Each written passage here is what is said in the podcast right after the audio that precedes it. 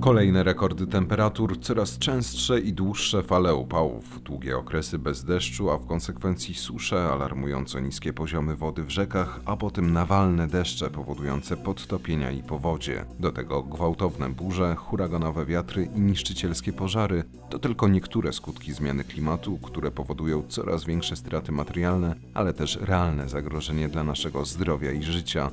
Gościem podcastu o klimacie jest profesor Bogdan Chojnicki, klimatolog z Uniwersytetu Przyrodniczego w Poznaniu, ekspert koalicji klimatycznej. Dominik Oleński, zapraszam.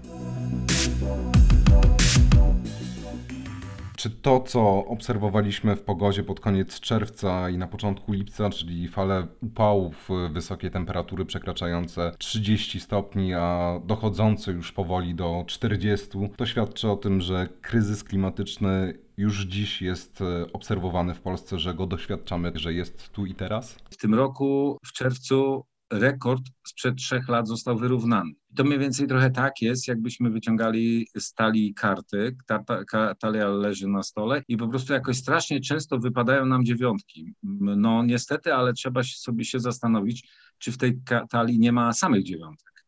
I to jest mniej więcej taki opis, bym powiedział, dość karciany opis tak, zmiany klimatu, bo, mm, bo nam w zasadzie coraz częściej my wyciągamy z tej talii dziewiątki, rekordy temperatury mm, e, padają.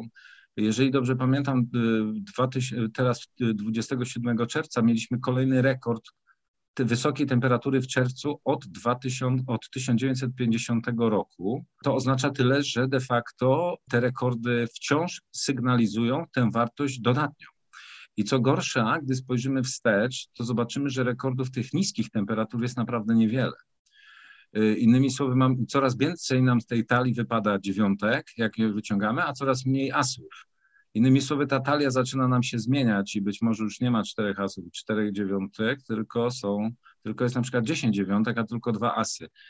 Mówię o tym dlatego, że to jest taki proces, który się określa mianem stochastycznego, ale tak naprawdę na tym polega obserwacja klimatu, czyli, czyli tych chwilowych wartości.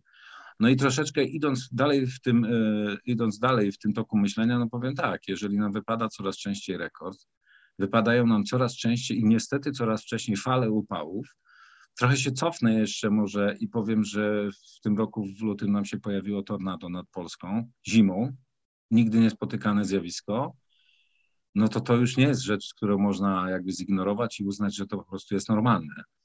No i w pewnym sensie takie mówienie, bagatelizowanie, mówienie, że to jest tylko jeden stopień różnicy czy półtora stopnia różnicy, no ono, jest, ono, do, ono prowadzi donikąd, bo, bo przed nami stoją fakty, żelazne fakty. I co, jeszcze dodam jedną rzecz. E, ja zupełnie niedawno miałem możliwość spotkania się z wieloma rolnikami w różnych miejscach w Polsce. I wie pan, że nie ma jednego rolnika, który by zaprzeczył zmianie klimatu. To jest niesamowite, bo gdybyśmy jeszcze się zastanowili, jaka była percepcja zmiany klimatu, chociażby 10 lat temu, to była całkiem spora grupa ludzi, którzy byli przekonani, że klimat, że zmiana klimatu to jest jakiś spisek, jakiś wy, wymysł. Natomiast rolnicy bezpośrednio przez to, że ich życie zależy ewidentnie od warunków pogodowych, tak naprawdę jakby są w pierwszym, na, na, na pierwszej fali, jeżeli chodzi, czy na pierwszej froncie zderzenia z tą zmianą klimatu, już, już nikt nie wątpi. Już wszyscy widzą, że, że spadek plonów, że straty związane z suszami to jest rzecz, którą trzeba poważnie traktować. Podobnie jest z leśnikami. Też trzeba powiedzieć, że szczególnie te doświadczenia lat 2019 i 2020 i, i fale upałów, które jeszcze wcześniej były i które naprawdę mocno, że tak powiem, poruszyły, tak powiedziałbym, fizjologię ekosystemów leśnych, to rzeczywiście sprawiło, że my już, że, że to jest e, rozmowa na zupełnie innym poziomie. Niedobrze jest, że przez doświadczenie, ale trzeba się cieszyć, że w ogóle ta zmiana klimatu, no, która jest faktem, ona po prostu dociera do naszej świadomości. Wspomniał pan profesor 2019 rok. To było bardzo specyficzne lato, które pokazało nam, że kryzys klimatyczny oprócz ekstremalnych zjawisk pogodowych też niesie inne zagrożenia. Tak, ale dodam jedynie, że ten rekord czerwcowy, bo w 2019 roku, jeżeli dobrze pamiętam, 26 czerwca, padł rekord wysokiej temperatury. On w tym roku, zdaje się 19 czerwca, został wyrównany. No, y, no to już jest taka, bym powiedział, bardzo y, zła wiadomość, bo rozumiem rekord, ale jeżeli on jest wyrównany po trzech latach, to znaczy, że to zaczyna nam się coraz bardziej kształtować pewne, pewną zasadę. Oby nas te zasady naprawdę nie objęły w takim bardzo skuteczny, mocny sposób.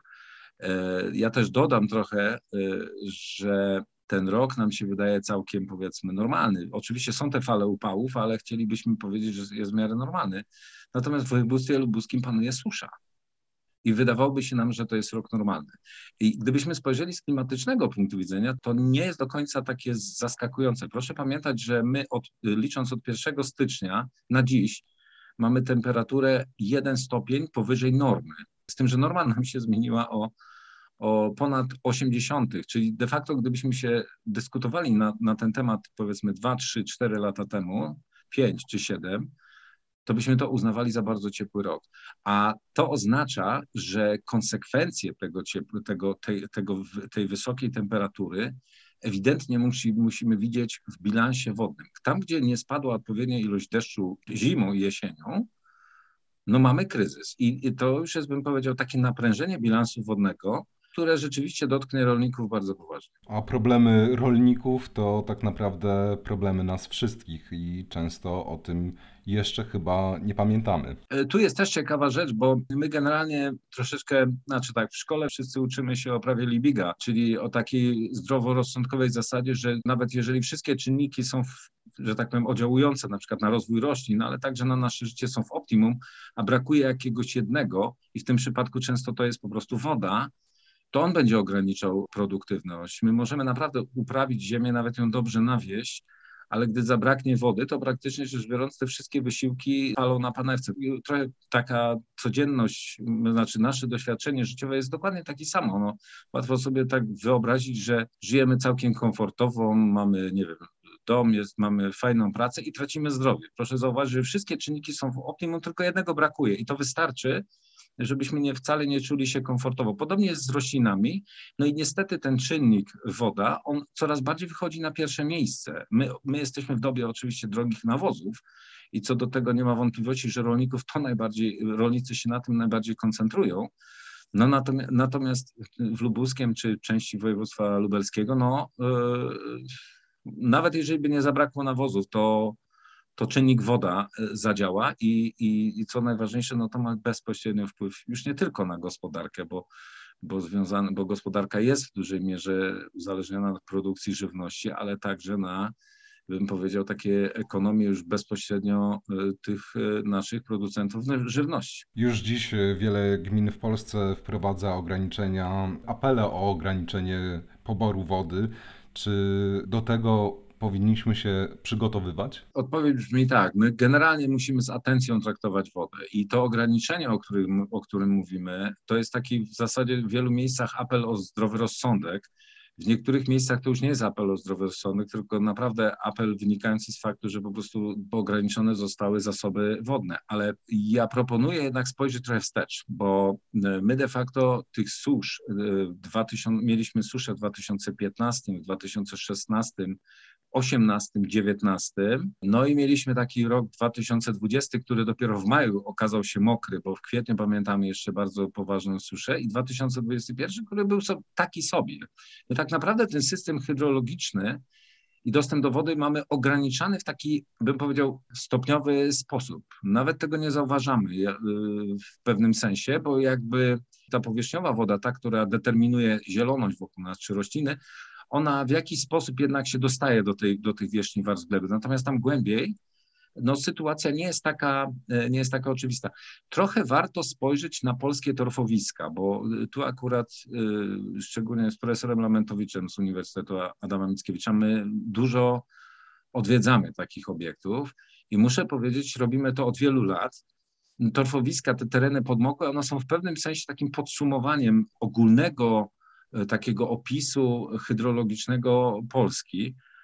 No i tam naprawdę w wielu miejscach jeszcze 10 lat temu chodziło się w gumowcach, a dzisiaj można wejść w trampkach. Nic się nie zmieniło w systemie hydrologicznym, nikt nie wykopał dodatkowego rowu, a tej wody jest e, zdecydowanie mniej. I e, trochę to jest, to co mówię, jest w nawiązaniu do poziomu wód w naszych rzekach.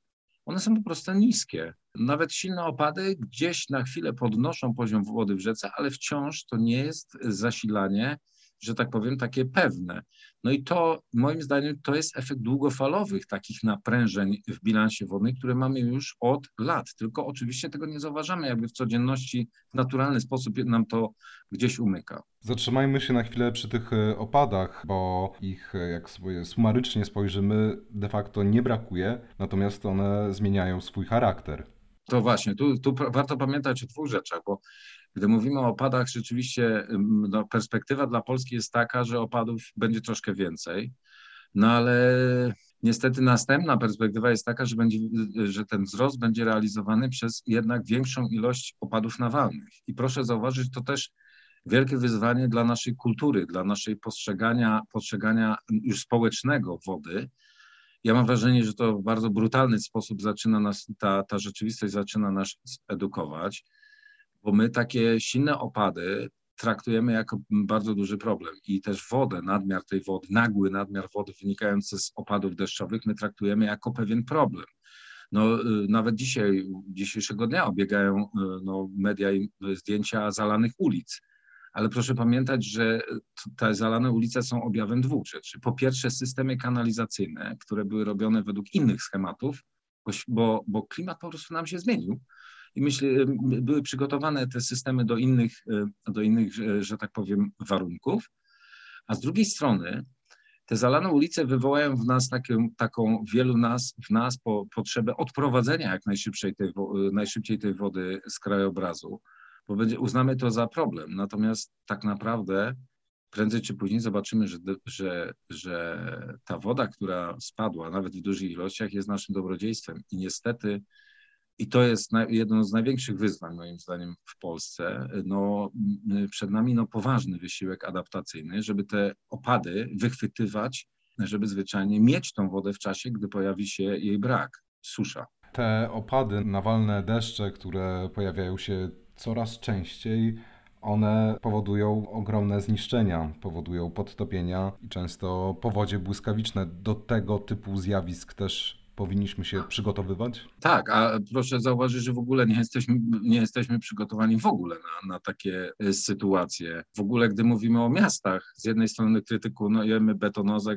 która sprawia, że jest w mieście no nieznośnie gorąco, szczególnie w warunkach takiej kolejnej fali upałów.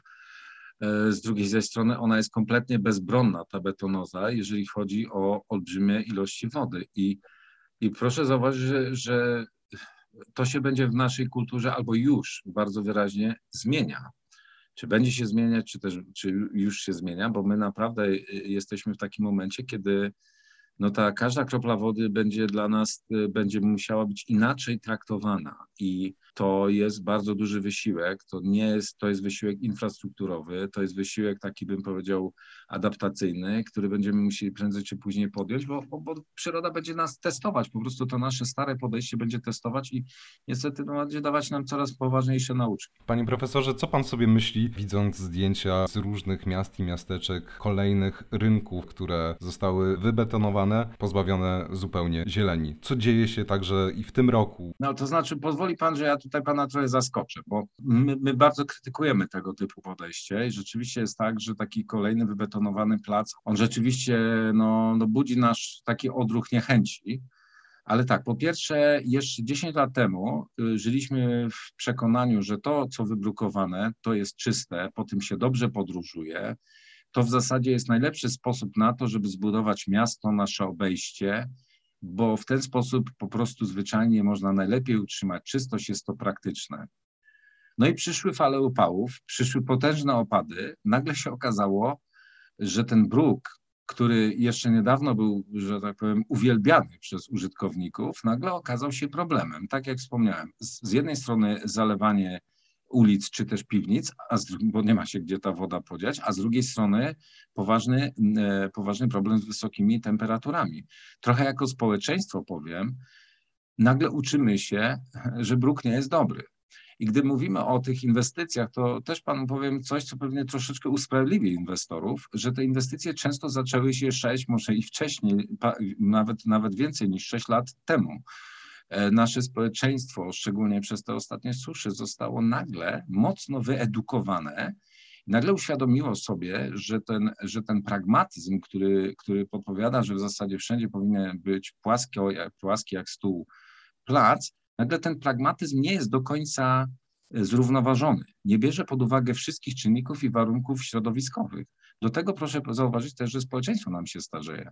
Nagle e, upał w mieście wcale nie jest tym komfortowym zjawiskiem. Młodzi ludzie bez problemu na betonowej płycie sobie wypoczywają, leżą, robią, co, co uważają za stosowne, natomiast robimy się coraz starsi. Społeczeństwo nam się zmienia, a te inwestycje niestety trwają lata. E, myślę, że teraz z tą percepcją społeczną, gdy ktoś z władz podejmie decyzję o budowie kolejnego wybetonowanego placu i nie pomyśli o żadnej retencji, nie pomyśli o, przede wszystkim o parujących powierzchniach typu roślinność drzewiasta, roślinność krzewiasta, no to naprawdę y, już ten decydent no, musi mieć poważny, mm, już, już wtedy ewidentnie powinien być negatywnie oceniony. Na dziś powiem tak, decydenci są tacy mądrzy jak ludzie, na, którzy na nich głosują i w pewnym sensie nadążają za rzeczywistością. Pewnie, że marzyłoby się mieć decydenta, który patrzy troszeczkę dalej, z pewną wizją. Takich, takich ludzi się najczęściej wspomina dobrze, bo przewidują pewne zjawiska, ale no też wiemy, że w wielu przypadkach ta polityka lokalna czy zarządzanie, ono jest, ono jest nadążne, jest też, jest też objawem pewnego doświadczenia, kultury tej całej zbiorowości, a ta zmienia się bardzo gwałtownie, szczególnie w ostatnich latach. Społeczeństwo się starzeje, powiedział pan profesor. To społeczeństwo coraz starsze w miastach bardzo dotkliwie doświadcza chociażby fal upałów. My też e, jako mieszkańcy nie jesteśmy chyba przygotowani po prostu na tak ekstremalne ciepło. To też warto pamiętać o tym, że często naszą rzeczywistość postrzegamy przez pryzmat tego, co pamiętamy. Pamiętamy inny świat, więc po pierwsze byliśmy wtedy młodsi, co jest zrozumiałe, a po drugie pamiętamy też inny świat, bo on chociażby patrząc z perspektywy klimatu, był zupełnie, zupełnie inny. No i, i, w zasadzie, cóż powiedzieć, y, średnia wieku rośnie, wymagania co do warunków czy komfortu życia będą rosły, e, a zmiana klimatu i nieprzygotowane miasta, ale też i krajobraz taki pozamiejski, nieprzygotowany do tego typu zjawisk, no on nie będzie przysparzał nam y, odczuć komfortowych, on będzie, on będzie coraz bardziej wymagające dla nas. To będzie odczuwane jako dyskomfort i z tego powodu warto naprawdę bardzo poważnie traktować te wszystkie wysiłki adaptacyjne, robić to w skali mikro. Y, tu mówię o chociażby beczce z wodą y, pod rurą spustową naszego systemu odprowadzania deszczówki, ale, ale też i w skali makro. To już, to już apel raczej do tych, którzy powiedzmy podejmują jakieś decyzje kierują środki, którzy, którzy w pewnym sensie to, to, te rozwiązania muszą w jakiś sposób taki systemowy realizować. Wysokie temperatury, jakich doświadczaliśmy, przyczyniają się do częstszych pożarów. I czy to też jest skutek zmiany klimatu, który dziś w Polsce obserwujemy? No e, tu ewidentnie. No, jeżeli mamy materiał, e, to, to zapłon zależy od temperatury tego materiału i od wilgotności. No i w przypadku wzrostu temperatury materiał zwykle robi się suchszy, a wyższa temperatura na pewno przysparza większe podnosi szansę na, na zapłon. Gdy o tym mówimy, to trzeba też pamiętać, że w wielu przypadkach jednak u nas wciąż pożary są pochodzenia ludzkiego. Te systemy zabezpieczenia lasów państwowych w większości przypadków notują zwyczajnie podpalenia. Natomiast y, i z tej, patrząc z tej perspektywy, no w zasadzie chciałoby się, że tak powiem, najbardziej uświadamia społeczeństwa, żeby po prostu się zachowało w, w taki bezpieczny sposób, chociażby w lasach, ale nie tylko lasach, bo na terenach rolnych krótko przed zbiorami jest dokładnie ten sam problem zagrożenia pożarowego. Natomiast jedna ważna rzecz, proszę pomyśleć o tym, i to jest też taka podstawowa rzecz, że wysokie temperatury, jeszcze często towarzyszące im wiatry, to są warunki, które pogarszają także warunki gaszenia pożarów i to bardzo poważne. Tu nie chciałbym jakoś strasznie siać takiej złej wróżby, ale można sobie wyobrazić sytuację, że nas dotknie kilka pożarów naraz i te pożary będzie bardzo trudno, dużych pożarów, które będzie bardzo trudno opanować z racji tego, że będą działały, że będą funkcjonowały w warunkach wysokiej temperatury i często suchego środowiska. To już łatwo sobie wyobrazić, że wtedy dostęp do wody może być ograniczony i łatwo sobie można też wyobrazić fakt, że infrastruktura taka strażacka, ona też ma swoją pojemność i swoją zdolność do reakcji. Także z jednej strony pożary, a z drugiej strony bardzo poważne wyzwanie dla tych służb w kontekście coraz trudniejszych warunków działania. Wiemy, co musimy zrobić. Mówią o tym innymi raporty IPCC. Wiemy, co musimy zrobić. Mamy poważny problem z percepcją społeczną, ale percepcja społeczna nam się, jak, jak już wspomniałem, gwałtownie zmienia, bo doświadczamy fal upałów i one coraz bardziej już bezpośrednio nam uświadamiają, że sytuacja jest poważna. No i mamy gospodarkę, która przez ostatnie 300 lat żyła własnym życiem, przy założeniu, że w ogóle nie, nie oddziałuje na fizykę atmosfery. No i w zasadzie ta gospodarka jest bardzo mocno powiązana ekonomicznie. Do tego mamy jeszcze zjawiska globalne, które na, nam to wszystko wzmacniają. Więc potężny wysiłek, żeby w ogóle to zmienić. Ale ja śmiem twierdzić, że zmieni się dopiero wtedy, gdy naprawdę społeczeństwa zmienią swoje postępowanie. Ja rzadko można spotkać liderów, którzy widzą e, troszkę dalej niż na najbliższe 4 lata czy 5, zależy jaki jest okres, jakie, jaka jest długa kadencja, więc wszyscy decydenci będą raczej działać nadążnie. Innymi słowy, będą odnosić się tylko do tego, co ludzie postrzegają. Robi się coraz goręcej, pojawiają się różnego rodzaju ekstremalne zjawiska. Ludzie powolutku, ale wyciągają wnioski. I teraz jest pytanie, czy ci, którzy zostaną wybrani przez tych ludzi, będą mieli wystarczająco dużo informacji, ale też i, i pewnej determinacji do tego, żeby to zmienić. Sytuacja nie jest prosta, bo jak mówię, gospodarka rozwijała się w paradygmacie niezmiennego klimatu przez lata.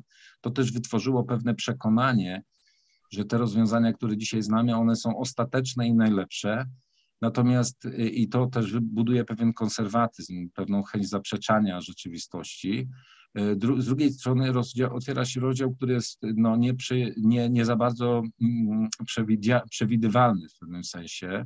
Rozdział pełen znaków zapytania. Dużo osób ucieka w konserwatyzm.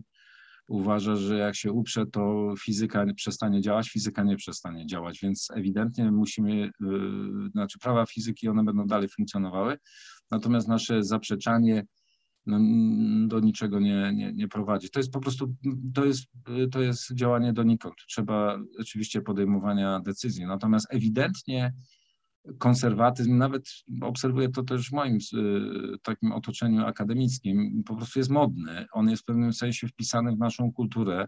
No i jakby jeszcze raz powiedziałem, w pewne wieloletnie doświadczenia, że to, co stare, jest dobre to, co stare jest na pewno dobre, ale niestety nowa rzeczywistość, ona będzie, ona, ona na nas wymusza zupełnie inne punkty widzenia, zupełnie inny sposób patrzenia na rzeczywistość, zupełnie inne działania i niestety też pewnie bym nie chciał wiele rzeczy zmieniać, ale będę musiał się dostosować tak jak wszyscy. Te wysiłki, które musimy podjąć, dotyczą także Polski, naszego kraju. Zdecydowanie, tak. No to tu bym powiedział jest, wie pan, tu szczególnie mamy zawęglony system energetyczny. Na tym się opiera dużo, że tak powiem, miejsc pracy, wiele karier. Do tego mamy no, pewien system wyborczy, który liczy głosy i wyraźnie widać, że tych głosów, które w pewnym sensie są warunkowane węglem czy innymi kopalinami jest całkiem sporo. Więc dopóki nie przekonamy tych ludzi, a, a najprawdopodobniej przekona ich natura, upały i ekstremalne zjawiska pogodowe, ekonomiczne uciążliwości związane z produkcją żywności, no dopóty będziemy mieli to, co mamy. No, to nie jest może zbyt optymistyczny krajobraz, ale innego ja, ja, nie widzę. Można oczywiście jakby rewolucyjnie narzucić ludziom pewne rozwiązania, ale mam wrażenie, że to też nie jest za dobre, bo to zazwyczaj kończy się jakimś fermentem robi się y, poważnie. Ta gospodarka, jak wspomnieliśmy, wodna jest coraz bardziej naprężona. My musimy rozwiązywać problemy w taki bardzo, bym powiedział, sensowny sposób, bo ta łódka jest pełna ludzi, że tak powiem, i, i chybotanie nią niekoniecznie przy, jak już przyniesie dobre, dobre rozwiązanie. Wróćmy na chwilę do tych ekstremalnych zjawisk pogodowych. Czy musimy się ich spodziewać z coraz większą częstotliwością tutaj w Polsce? Mam na myśli też e, huraganowe wiatry oraz burze, które są bardzo niebezpieczne. Odpowiedź w skrócie jest tak. Oczywiście proszę pamiętać, że to wciąż jest ta loteria, o której mówiłem, czyli to wyciąganie asów z tej naszej, z tej naszej talii, czy dziewiątek, ale zasada jest taka, bym powiedział, no dość prosta. Im wyższa temperatura, tym więcej energii w naszej atmosferze, a im więcej energii w naszej atmosferze, tym należy się po prostu spodziewać ekstremalnych zjawisk coraz częściej. i, i też coraz głębszych takich ekstremalnych zjawisk. I, I w zasadzie to jest chyba taka krótka, ale taka odpowiedź, bym powiedział, taka najprostsza termodynamiczna odpowiedź. Im wyższa temperatura, tym większe szanse na zjawisko ekstremalne i tym częstsze zjawisko ekstremalne. Profesor Bogdan Chojnicki, klimatolog z Uniwersytetu Przyrodniczego w Poznaniu, ekspert Koalicji Klimatycznej, był gościem podcastu o klimacie. Dominik Oleński, do usłyszenia.